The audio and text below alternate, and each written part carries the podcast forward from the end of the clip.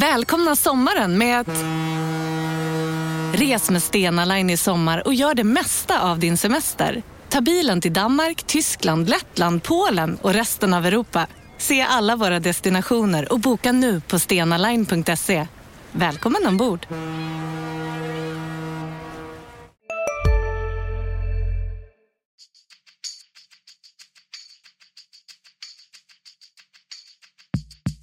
Skönt att komma ut och uh, bara lukta gräset. Så det, är, det är fotboll för mig. Nu är jag här och jag är väldigt glad att uh, kunna spela för det laget som jag har närmast om hjärtat. Om att skapa tro, om att tro på det vi gör, jobba vidare och vi ska vara ute där och ska vi leverera. Och det ska vi ju. Basta. Välkomna tillbaka till MFF-podden. Det här är avsnitt nummer 226. Jag heter Fredrik Hedenskog. Jag har sällskap, eh, digitalt åtminstone, av Max Wiman och Fredrik Lindstrand. Hur står det till med er? Bra, jag har en ny fräsch mikrofon. Ja, nu är det både jag och Fredrik som har ny utrustning. Det var Max kvar, men han har å andra sidan kråkorna som kraxar eftersom jag sitter håller låda. Så att, eh. nej, jag tror detta är mobbing. Ni vill inte att jag ska höras. Ja, nej, men vi tycker det är jättetrevligt med de här naturljuden. Jag tror att det uppskattas stort. Det var det också lite variation. Det har ju mest varit skator innan. Så det är trevligt med en annan kråkfågel som kommer in. um, jag får en mikrofon så småningom jag också kan vi väl säga. Ja, så vi, eh, vi jobbar, vi går sakta men säkert åt rätt håll. Så småningom ska vi även försöka ta tag i innehållet. Ja, men det är mycket svårare. Idag ska vi prata om eh, de två matcher som Malmö FF spelade i förra veckan. Det vill säga 1-3 förlusten i eh, playoff-matchen till Europa League mot Granada och eh, 4-0-segern borta mot Kalmar i Allsvenskan. Och vi tar det här i kronologisk ordning och börjar med eh, Europamatchen som ju eh, till vissa, eller ganska stora delar, såg ut ungefär som man hade kunnat förvänta sig tyckte jag. Vad, vad tyckte ni? Nej men det var väl, det, det är väl som du skriver det att eh, jag, jag tror dels man ska börja i den änden och säga att Malmö FF är väldigt bra 2020 men man är inte på riktigt, tycker jag då, på den Europanivån kanske ändå. Så man har, varit, alltså, man har haft bättre lag eh, tidigare år eller bättre fungerande lag. Eh, Granada var väl mer spanskt än vad jag trodde. Jag tycker inte det var ett roligt lag att se men jag har en känsla av att hade Malmö gjort två mål så hade de gjort ytterligare något. Hade hade de, Granada behövt göra fyra mål hade de gjort det. Det kändes som att de på något sätt hade fler växlar att ta av som så behövdes. De hade också en... Eh, de var också väldigt bra på att spela utan någon växel överhuvudtaget.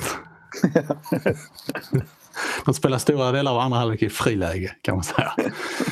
um, ja, nej, men det kändes ju som att uh, eh, MFF, åtminstone efter efter eh, att Ahmed Hodzic hade missat sin eh, kvitteringschans till 2-2 sen den sista, den halvtimmen som återstod efter det då förmådde, förmådde inte MFF skapa någonting alls. Nej, men det blir, hade, hade Malmö FF spelat den här matchen mot ett, mot ett lag som var motsvarande styrkemässigt neråt så att säga. Man får ju se Granada som ett starkare lag såklart.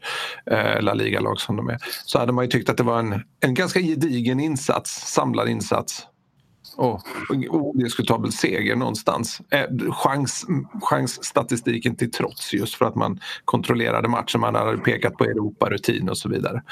Så det var, det var, det var konstigt nog, det var ju både klasskillnad och inte så att säga det var ju, det var, någonstans är det ju de, de individuella misstagen som definierar insatsen ganska mycket och det är ju att undvika dem som är att ha en hög Europaklass till stor del.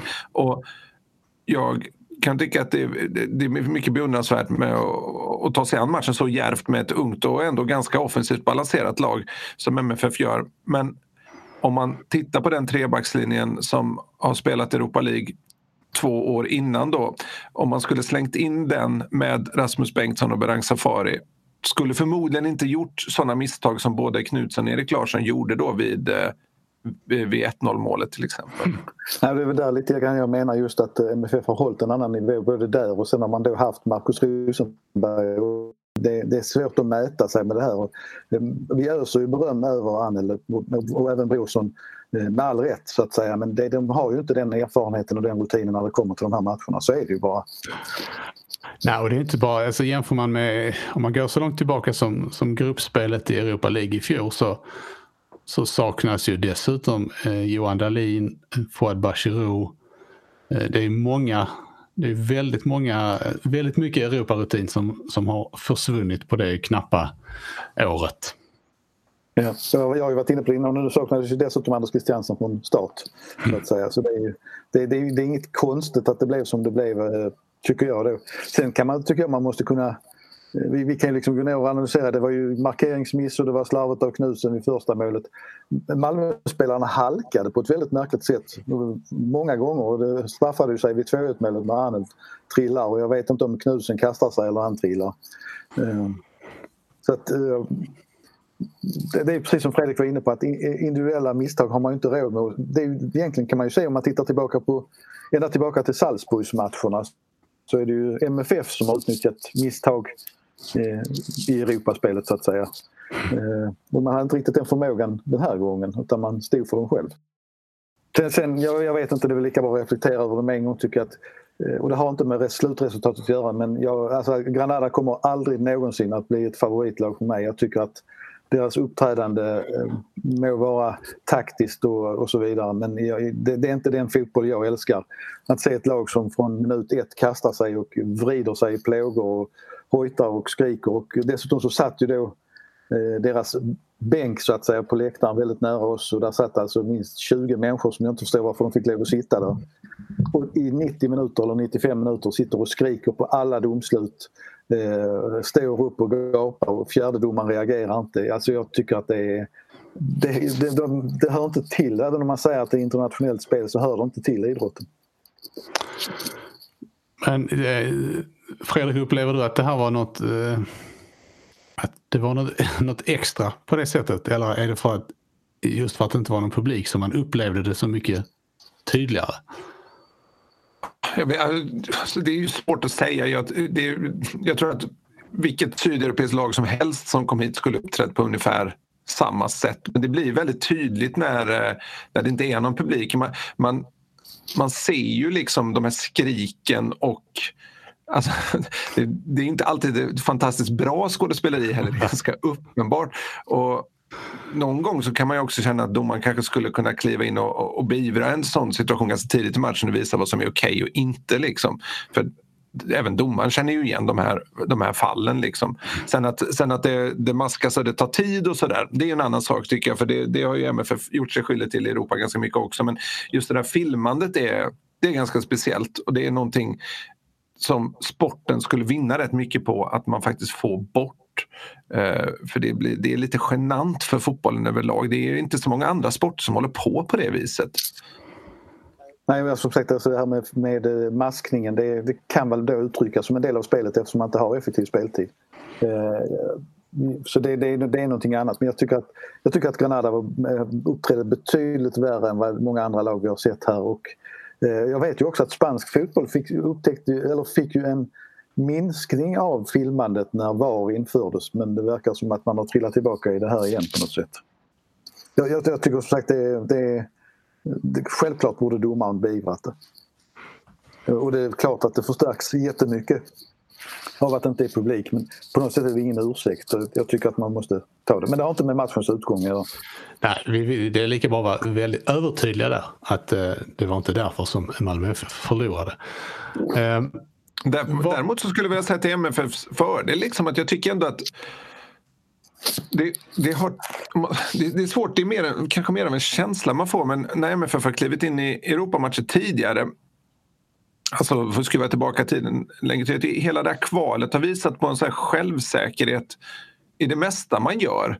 Det var inte så att MFF kom ut och kände som ett vad ska man säga, som en mindre klubb eller som ett, liksom, ett lag som, som är liksom, kommer där med mössan i hand och sådär. Utan och, och, och, någon, och det, det, hänger ihop lite med den taktiken man har också som Jon Dahl Tomasson ändå han, han viker inte från planen Eh, det, det, känns som att det finns ett långsiktigt tänk i det han gör också. Sen så får man förstås eh, agera olika för varje match som kommer och sådär. Man kan inte fräsa på med full press i varenda match. Men jag, jag tycker ändå att MFF tar sig an matchen på ett modigt sätt och de vill kunna föra den och duellmässigt och även spelmässigt så är det inte bara så att man försöker söka toppanfallaren hela tiden för att, för att, liksom, för att man inte vill ha bollen i backlinjen utan det finns en, en trygghet över, överlag i passningsspel och så vidare. Sen så går det ju lite för fort för vissa spelare ibland emellanåt men överlag så, så tycker jag ändå spelet har utvecklats i Europa också. Det är viktigt att komma ihåg det. Att,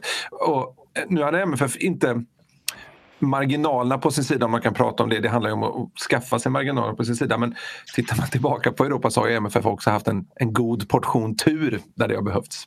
Det hade de inte riktigt mot Granada.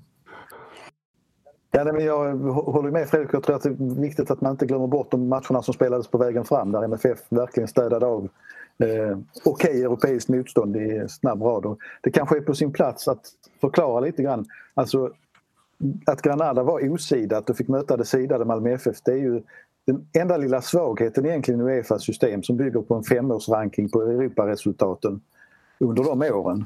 Eh, och eh, där har ju Granada har ju aldrig spelat i Europa så de hade inga rankingpoäng.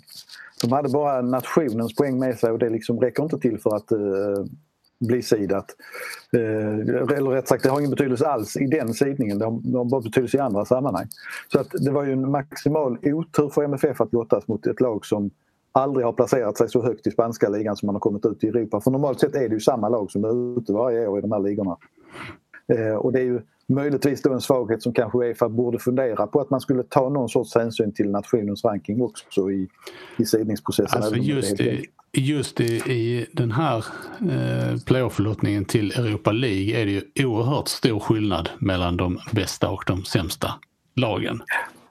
I Champions League är det liksom lite jämnare kvalitet rakt över. Absolut, vi ska ju komma ihåg att det var faktiskt så att det var ett mål som skilde från att Färöarna ett tag skulle kunna få in ett lag i gruppspel och det säger ganska mycket. Då blev det ju Dundalk istället från Irland. Och inget, det är ju jättekul att de är med men det säger ju en del att, att Dundalk och eh, Klaxvik från Färöarna kan mötas eh, på samma villkor som MFF möter Granada. Det, det, det, där har liksom problematiken lite grann i den här sidningen. Eh, om man tittar på MFFs eh, match då, hur... Ska vi bara snabbt säga vilken, vilken grupp vilken grupp MFF hade fått. Om, om, om det nu... Nej, vi kan inte säga så. Därför Nej, det går inte att säga så, men vi kan säga vilka, vilka Granada fick. Därför att MFF hade hamnat i sidningsgrupp 3 och Granada hamnade i 4. Ja, men precis. Nej, det blir... Men man... Ja, precis, men vara spännande ändå. Man bollar, bollar, gör det så enkelt för sig som möjligt. Nej, men det är klart det inte hade blivit samma. Men eh, Granada fick PSV Eindhoven, PAOK och Omonia.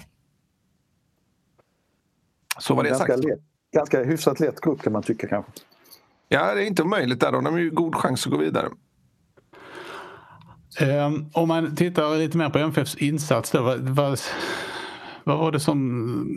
Alltså vad hade MFF kunnat göra någonting annorlunda? Eh, det enklaste är väl att säga att hade Malmö FF inte gjort de individuella misstagen så hade det blivit en annan match och andra möjligheter. Det det, det är ju någonstans där de här matcherna kommer ner till ändå. Ja, ja alltså det, vad man kunde gjort släppt in 20 000 personer på matchen så tror jag att det hade blivit en helt annan effekt av 1-1 eh, målet till exempel. Där ja. tror jag att MFF hade kunnat lyfta ordentligt. Liksom. Det, men det, det, den, den frågan kommer ju alltid dröja sig kvar. Vad hade hänt om publiken varit på plats? Och jag tror också att man måste se det, för det är helt rätt. Det hade ju blivit en annan match med publiken på plats. Men om det hade varit så så hade, skulle Malmö, Malmö åkt ner till Spanien och spelat också. Ja, exakt. I dubbelmöte och då tror jag ändå att Granada hade vunnit i slutändan. Ja. Nej, det är svårt att säga. Det, det, var, det, det är ju högklassigt. Är väldigt mycket Granada gör. Det ska ju till något alldeles, alldeles extraordinärt för att MFF ska vinna. Liksom. Och sen, det var, de MFF är ju... Alltså, man får väl säga att de börjar titta formen i allsvenskan förstås igen. Eh, men samtidigt så var det ju... Det var liksom Anders Christiansen lite oflyt där då. Han är inte tillbaka helt från skadan. Isak Estelin inte riktigt där tycker jag mot Granada. Inte riktigt, vinner inte riktigt så mycket dueller som han behöver göra där uppe. Och det... Ola Toivonen får förstås inte missa det där flyget. Jag tycker Ola Toivonen gör en bra match men det är ändå så här, när den där chansen dyker upp då måste den sitta. Det kändes ju, alltså den generella känslan eh, som jag satt mig när matchen var slut var ju ändå, det kanske berodde mycket på att den sista halvtimmen var så oerhört tråkig att titta på. Men att det var inte jättemånga MFF som, som överpresterade. Det var inte så många som lyfte sig riktigt. Nej, Nej det var väl. Anel Ahmedhodzic som, som stod för den, alltså den högsta, högsta nivån match, i matchen så att säga. Bland MFF-spelarna. Ja, han var väl bäst på plan skulle jag nästan vilja säga. Annars var det ju ganska stabilt men inte ett lyft. Och ska man liksom lyfta blicken ytterligare så det innebär ju att MFF förlorar en, en inkomst på eh, närmare, ja, runt minst mer än 50 miljoner i slutändan. det innebär att man inte gör ett bokslut som går jämnt ut den här hösten. Och samtidigt så är det något år man ska missa i Europa, missförstå mig rätt. Så du hade inte fått 35 miljoner i publikintäkter, du hade inte fått de här festerna under hösten. Så det finns ju den aspekten också på att eh, eh, jag ville fråga vad ni tyckte också om, eller ja, tyckte om. Eh, det var ju ganska tydligt att Anders Christiansen inte var redo för 90 minuter mot Granada. Tycker ni att det var rätt att, att börja med honom på bänken eller hade ni hellre sett att, man, att han fick spela från start och sen, för att sen bytas ut?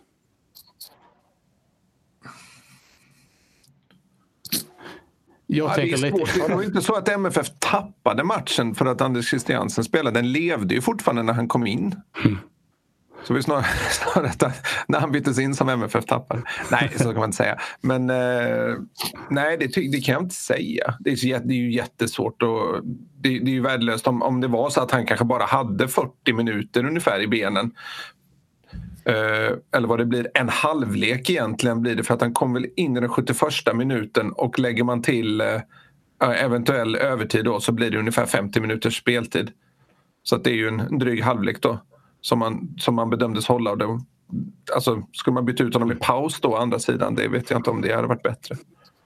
Nej, det var nog rimligt att göra som, som man gjorde. Eh, sen, sen, när man tittar framåt så var han ju mogen för mer speltid redan mot Kalmar, det såg man. Men det är klart att han inte var mogen för 90 minuter eh, i torsdags. Då eh, lämnar vi Europaspelet för eh, den här gången. Eh, återkommer nästa sommar. Någon gång. Ehm, och eh, blickar inåt mot allsvenskan. MFF vann ju i Kalmar med 4-0 och där skulle man ju kunna säga lite grann att eller man skulle kunna tänka sig att Kalmar resonerar lite grann som MFF gjorde efter matchen mot Granada. Att ja men vi var inte jättelångt ifrån men det var eh, de var bättre på vissa saker. Jag tyckte Malmö var bättre på ganska många saker om jag ska vara ärlig i denna matchen. Eh, barometern var inte snälla i sin, sina betyg av Kalmar efteråt. De gav målvakten en trea och övriga spelare fick ett.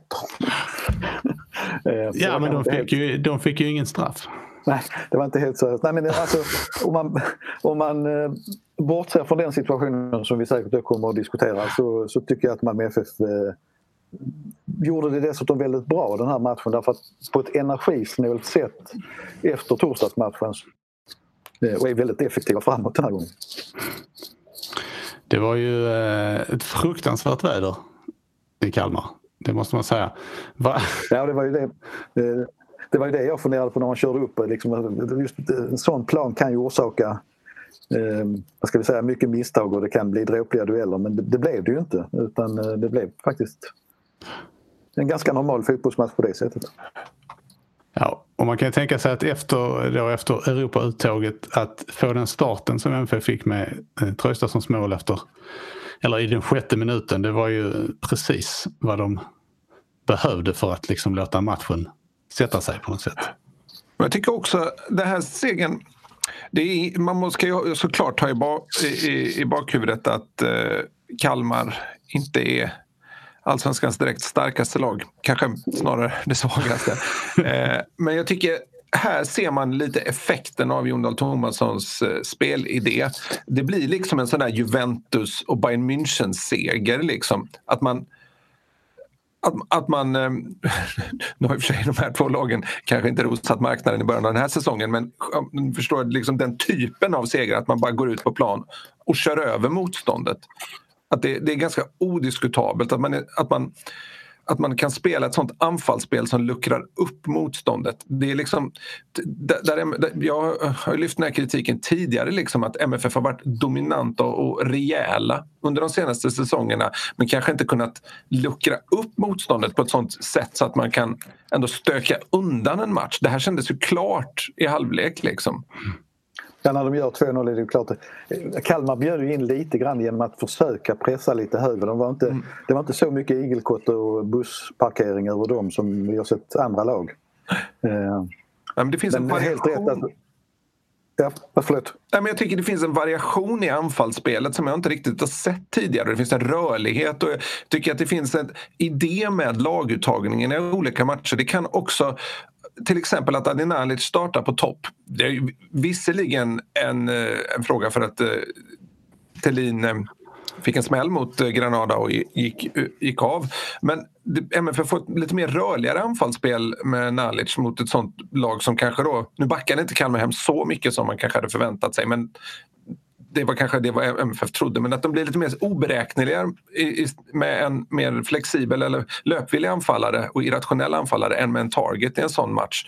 Istället för att liksom, som under Rössler i många fall, köra samma grundelva hela tiden och någonstans kanske bli lite förutsägbart. Även fortfarande bra, men motståndaren vet vad de ställs mot så att säga.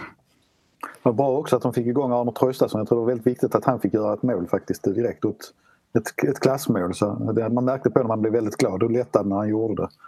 Eh, ett sånt där mål som är skönt att få. Att få, att få rulla in den, i, liksom placera in den istället för att det blir någon ja, drömträff från 40 meter eller något sånt där. Man ja, det, är mer enkla mål. det är mer ett riktigt mål på något sätt. Ja, sen, ska, sen ska man komma ihåg tror jag att det är första gången på många år det inte har när Malmö mött Kalmar och framförallt att Viktor Elm saknas ju enormt i deras eh, backlinje. Um, ja, nej det var ju... Um, uh, alltså, ja, så är det ju. Men det är samtidigt, man, man kan ju inte... Man kan inte göra mer än att spela mot det laget som står på andra sidan. Alltså... Nej, så är det. Så är det. Och ska vi då lyfta mittback igen på andra hållet så Fredrik berömde Anel redan för Granada-matchen men han gör ju Eh, Eh, en del väldigt fina prestationer eh, även mot Kalmar. Eh, han gör ett mål som i sig är väldigt nära mål men det är liksom bra att han får in den och han har någon offensiv utflykt där han visar en enorm vilja att liksom leda laget och trycka på och tycker att han börjar hitta tillbaka till sitt passningsspel också riktigt bra nu. Det ska bli spännande. Alltså, det känns ju som att han nästan utvecklas för varje match man ser honom i. Att han liksom växer hela tiden. Och det ska bli väldigt spännande att se den dagen som nog inte är allt för långt borta, kanske nästa sommar och det lär ju ryckas i honom redan i vinter när MFF ska sälja honom. Vilket pris man kan klubben kan trissa upp. Liksom. För om man tänker att det skulle varit en dansk mittback som gjort så här och skulle gått från Mittjylland eller från FCK så hade de fått duktigt med pengar för honom. Ja, det måste ju upp i eh, regioner av, av inte Zlatan-pengar naturligtvis, men, men spelarna där bakom. Jag tror risken är stor att han försvinner redan i vinter om han fortsätter så här under hösten. Ja, och, eh, det verkar ju finnas... Ja, precis. Manchester United behöver en mittback. Eller två. Ja, men jag tittar, om man tittar på Premier, hur Premier League värvade nu under uh, deadline day som var här i den femte, vad blir det? Igår till och med. Uh, så det var inte så att de spenderade mindre pengar än tidigare. Corona verkar inte påverka de rika klubbarna på det viset. Men de är, de är, mer, de är mer fattiga när, när liksom staten ska skänka ut pengar. Då, då behöver man dem verkligen. Men eh, så att, ja. Zlatan-pengar, det är väl inte omöjligt att Anel Ahmedhodzic kan gå för 80-90 miljoner. Jag tror tyvärr att Sverige som marknad inte når de pengarna men det, det, han borde ligga där egentligen som det ser ut mm. just nu faktiskt. Så är det definitivt. När vi pratar om mittbackar är det inte lika bra att vi tar det andra också då. Eh, jo. Gör det? Nej, men eh, alla som har sett situationen. Eh, Kalmar-spelare Isak Magnusson kommer i princip fri mot mål. Har Lasse Nilsson i hasorna som eh, drar honom i axlarna och jag tror att även han eh, träffar honom med benen faktiskt när han springer på honom. Eh, precis runt strafflinjen. Eh, för mig och för... Jag har inte hört någon som har sagt emot att, att det är en solklar friläge. Nu kan du teckna livförsäkring hos Trygg-Hansa. Den ger dina nära ersättning som kan användas på det sätt som hjälper bäst. En försäkring för dig och till de som älskar dig. Läs mer och teckna på trygghansa.se. Trygg Hansa. Trygghet för livet. Det där var för att uppmärksamma er på att McDonalds nu ger fina deals i sin app till alla som slänger sin takeaway förpackning på rätt ställe. Även om skräpet kommer från andra snabbmatsrestauranger som exempelvis Ma... Eller till exempel Burger...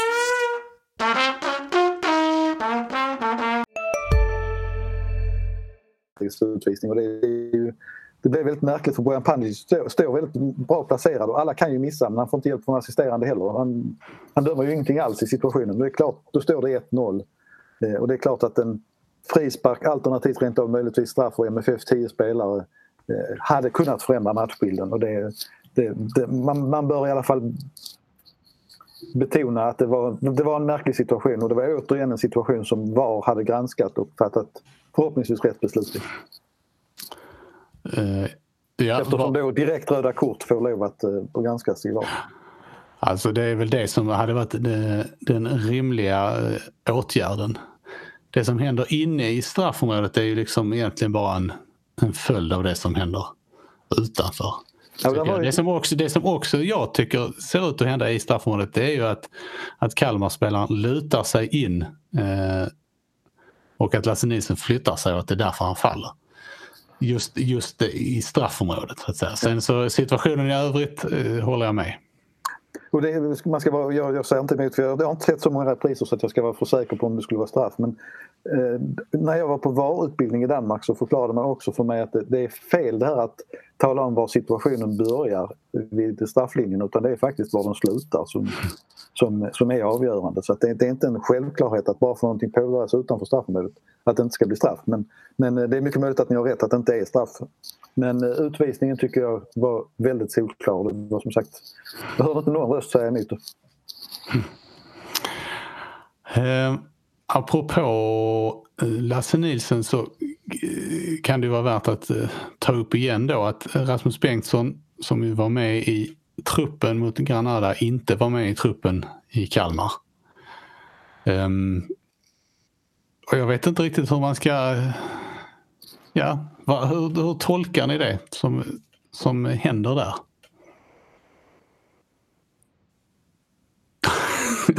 Helt tyst. Nej, men det, det, är ju tydligt att det finns, det, det, finns ju någonting som inte harmonerar mellan Bengtsson och Gundahl Tomasson. Det går inte att tolka på något annat sätt. Jag kan inte påstå att Lasse Nilsson visar en sån fantastisk form så att Rasmus Bengtsson skulle vara chanslös att vara med i en trupp. Det, det finns ju någonting annat i bakgrunden här.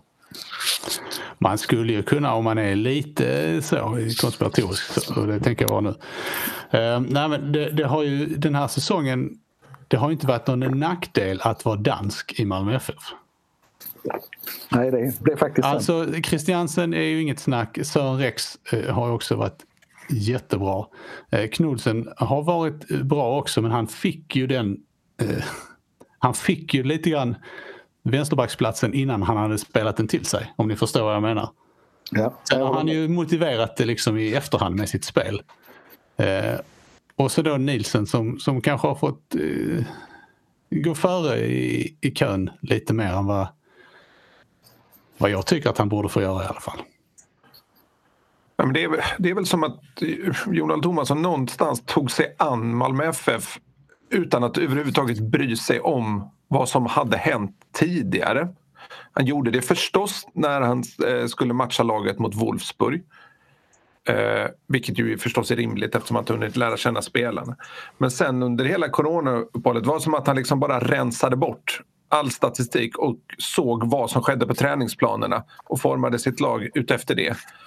Och det ju, kan ju vara vettigt också om man vill implementera en helt ny liksom, helt nu men i alla fall försöka göra någon slags renovering av lagets taktik. Och sen när Rasmus Bengtsson har kommit tillbaka, det är inte så att Jon Thomasson Tomasson har tänkt den här spelaren har spelat på en väldigt hög nivå tidigare. Eh, det är kanske inte alltid man kan se på träningar vad man kan få ut max i en match. Liksom. Utan det, det vet man av att ha sett tidigare matcher.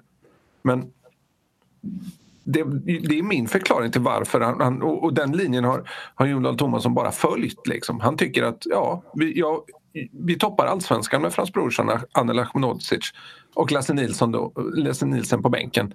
Alternativt ibland istället för Frans Brorsson. Varför skulle jag ändra det? det någonstans där ligger han ju. Och... Nej, men det är säkert så han har resonerat. Det kan vara ett starkt ord men det blev, det blev lite historielöst Eh, av honom. Men då kan jag tycka att eh, välja bort allt det som Rasmus Bengtsson har betytt, inte minst internationellt för Malmö FF.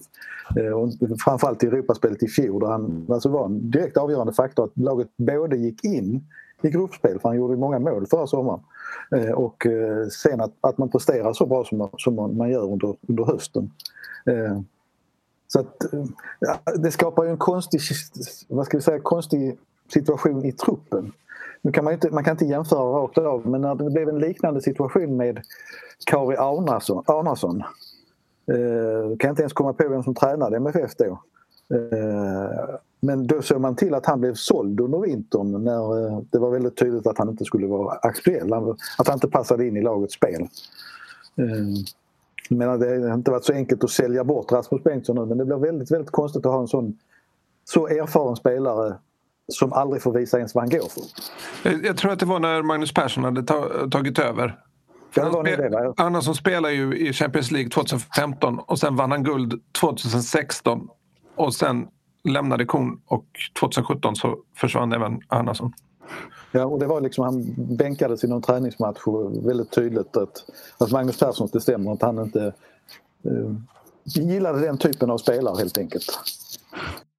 Jag tänkte på andra, och vi återvänder till matchen mot Kalmar. Ehm, ja, vi kom långt ifrån den. Ja, vi gjorde det där. Men, eh, där, där hamnar ju matchbilden medgav ju att att Thomasson lite grann kunde återgå till, till uh, tidiga byten, uh, flera stycken och få lite ge lite fler spelare speltid och det måste ju vara, även om det nu eh, är ett uppehåll som stundar här i Allsvenskan, så, eller som vi redan är inne i, så är det såklart också nyttigt både för de som får vila och de som får spela.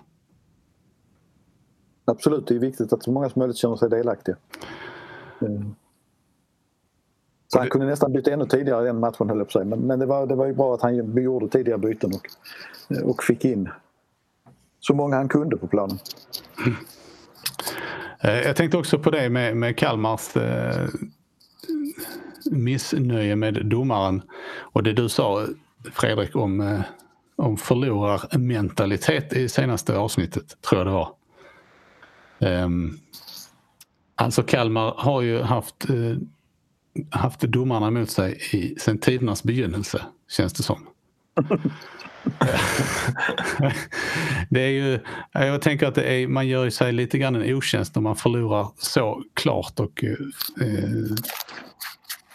på lite grann väljer att se problem på andra ställen än, än hos sig själv. Ja, men det, blir, när man, ja, det går ju att hitta, hitta detaljer i varje match under en säsong. Som om det bara hade gått åt andra hållet så hade vi kanske gjort ett mål där och då hade det ja, slutat helt mm. annorlunda. Det går ju man kan ju titta på statistiken mellan Malmö FF och eh, Kalmar. Det är, MFF är ju helt överlägset i stort sett varje parameter.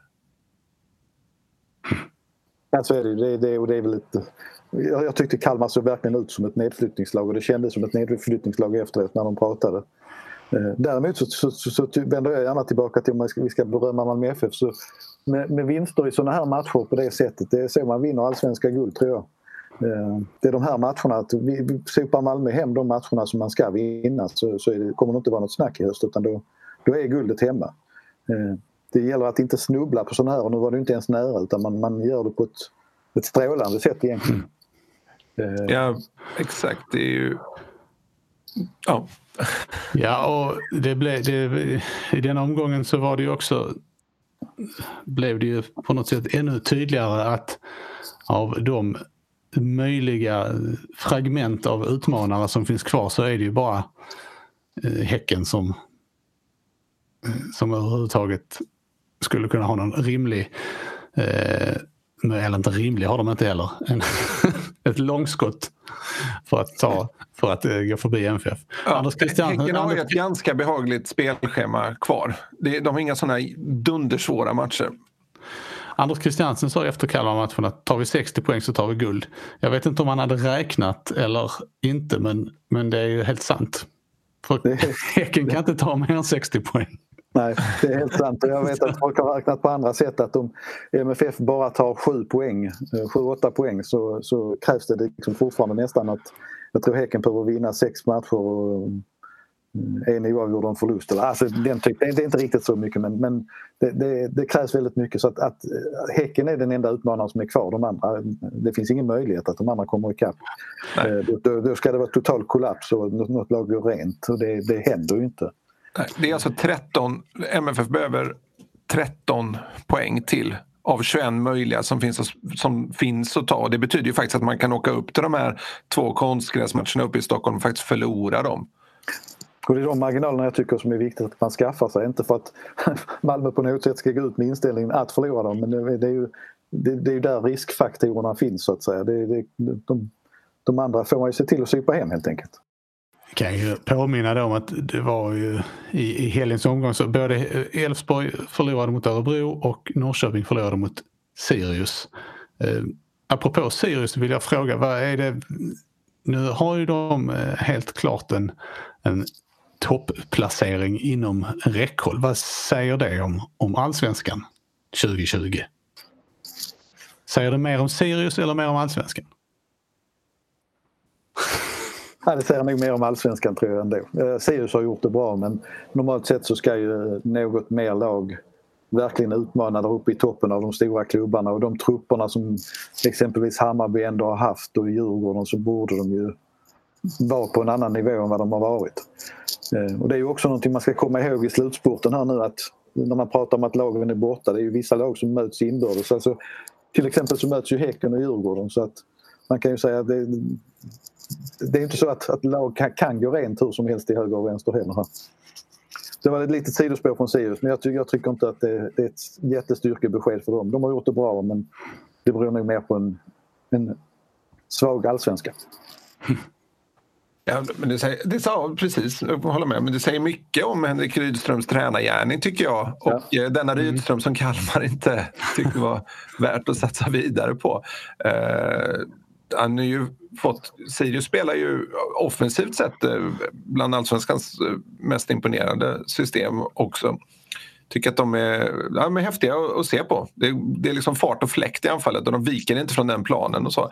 Och det är väl också ett lite underbetyg till allsvenskan att det är så många som har svårt att stoppa dem i, i det.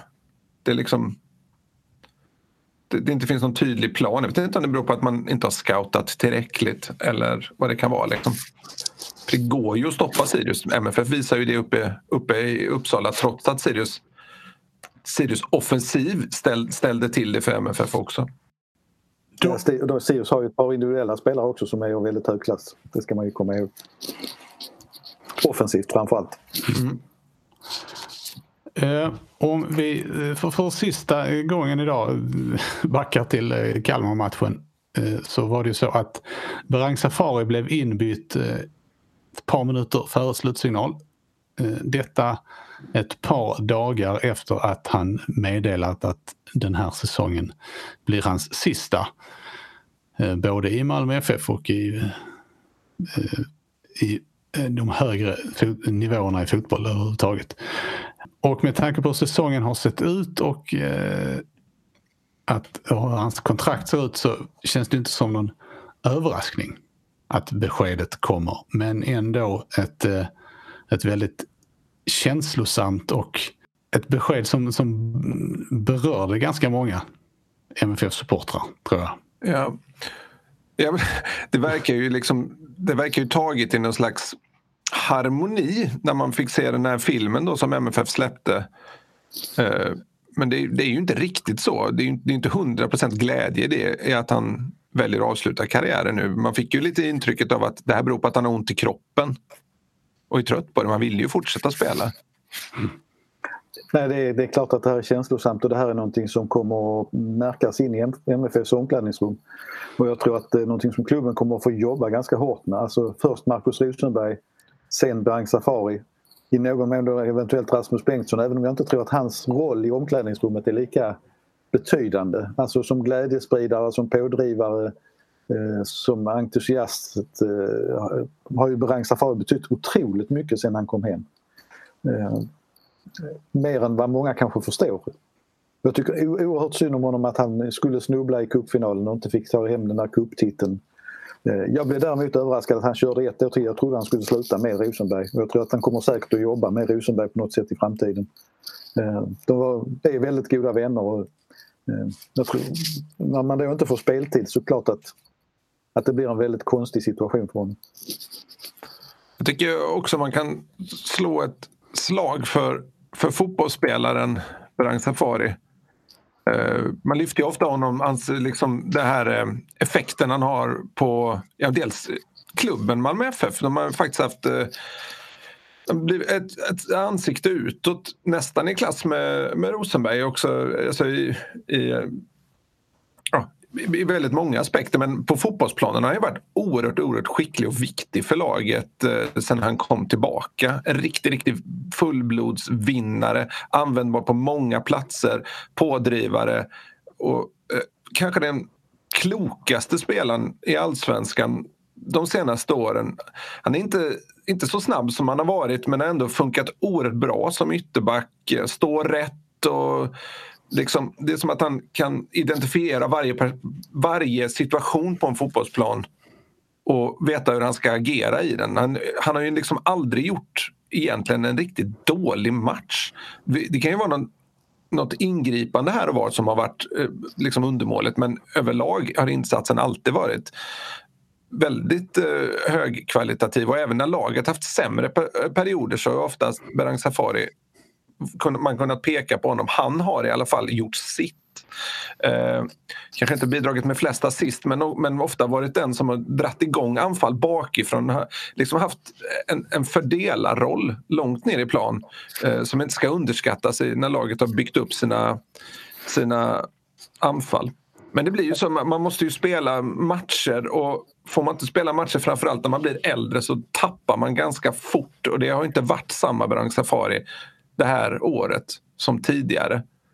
Och det skulle jag nästan peka helt på att det, det har inte egentligen med hans fysik att göra utan med att han inte fått spela. Nu, han ingår ju knappt ens i rota, rotationen längre.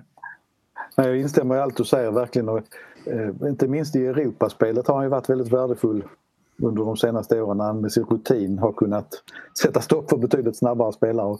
Eh, jag tror hans säsong hade sett helt annorlunda ut om han hade fått eh, fler möjligheter och han, hade säkert kunnat prestera på en hög nivå fortfarande.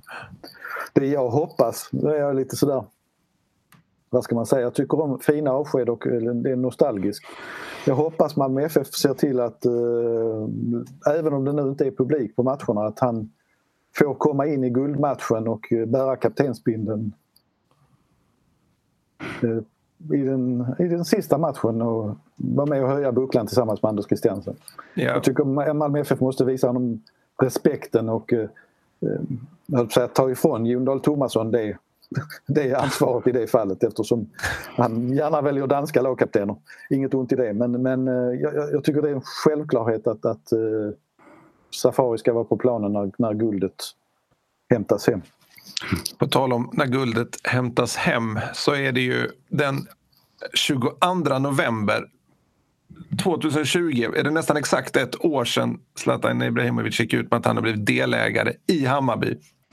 Och den 22 november möter Malmö FF Hammarby på bortaplan på Tele2 Arena. Och, eh, nu vet man ju inte hur poängställningen kommer vara, men mycket talar för att det är faktiskt en match där man kan säkra sitt SM-guld.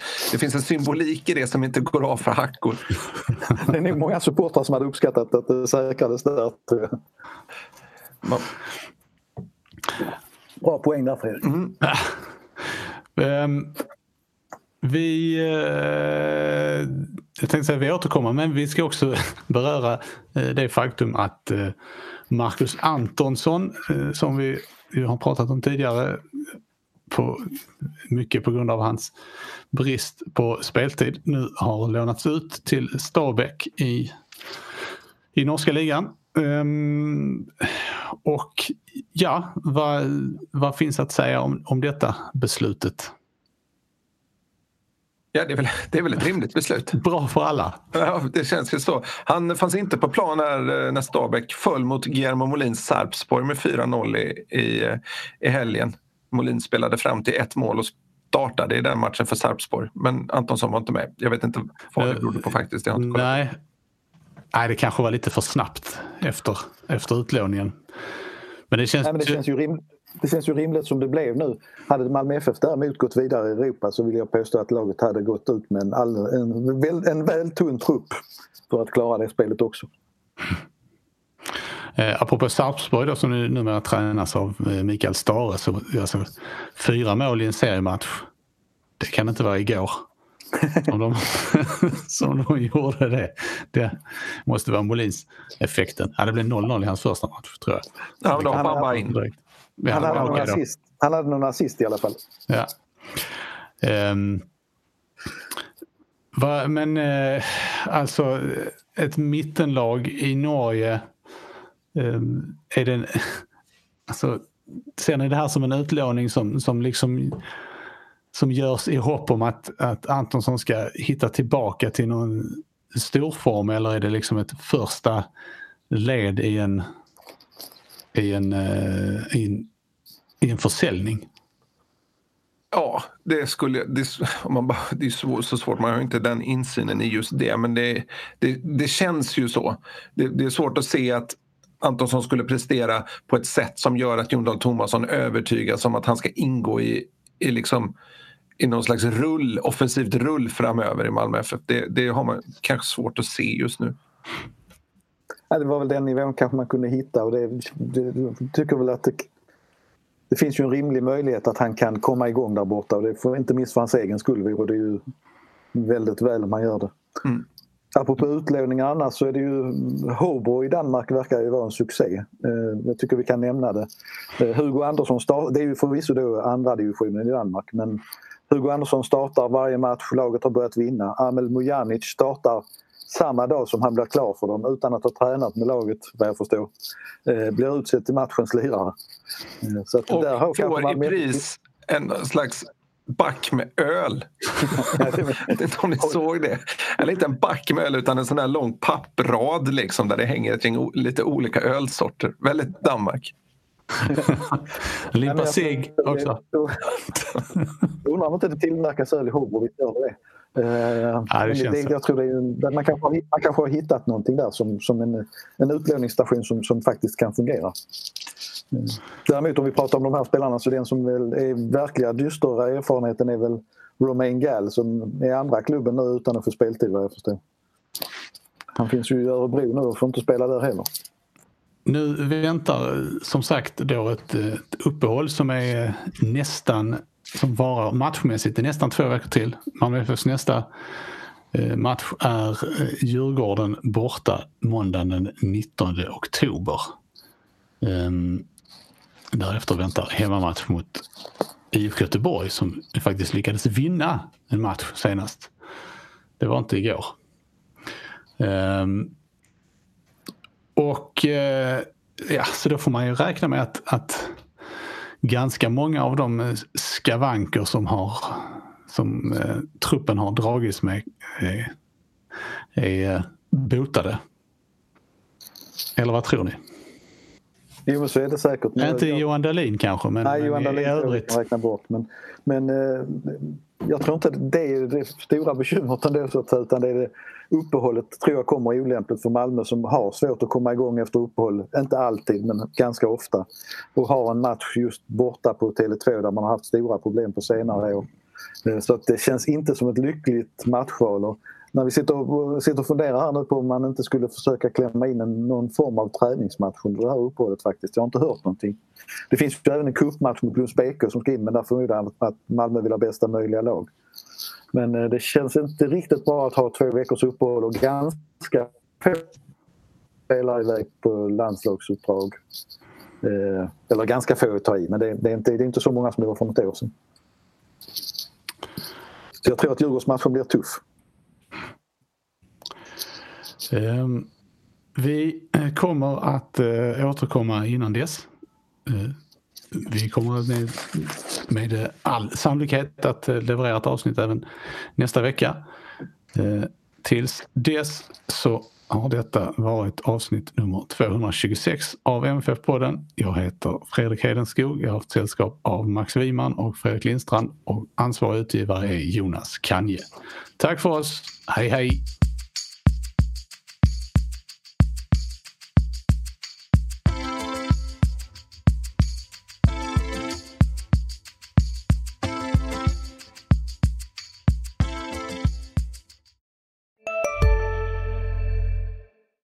En så vidde på väg till dig för att du råkar ljuga från kollega om att du också hade en och innan du visste ordet av du hem kollegan på middag och... Då finns det flera smarta sätt att beställa hem din sous på. Som till våra paketboxar till exempel. Hälsningar Postnord. Hej! Är du en av dem som tycker om att dela saker med andra? Då kommer dina öron att gilla det här. Hos Telenor kan man dela mobilabonnemang. Ju fler ni är, desto billigare blir det. Skaffa Telenor familj med upp till sju extra användare. Välkommen till någon av Telenors butiker eller telenor.se.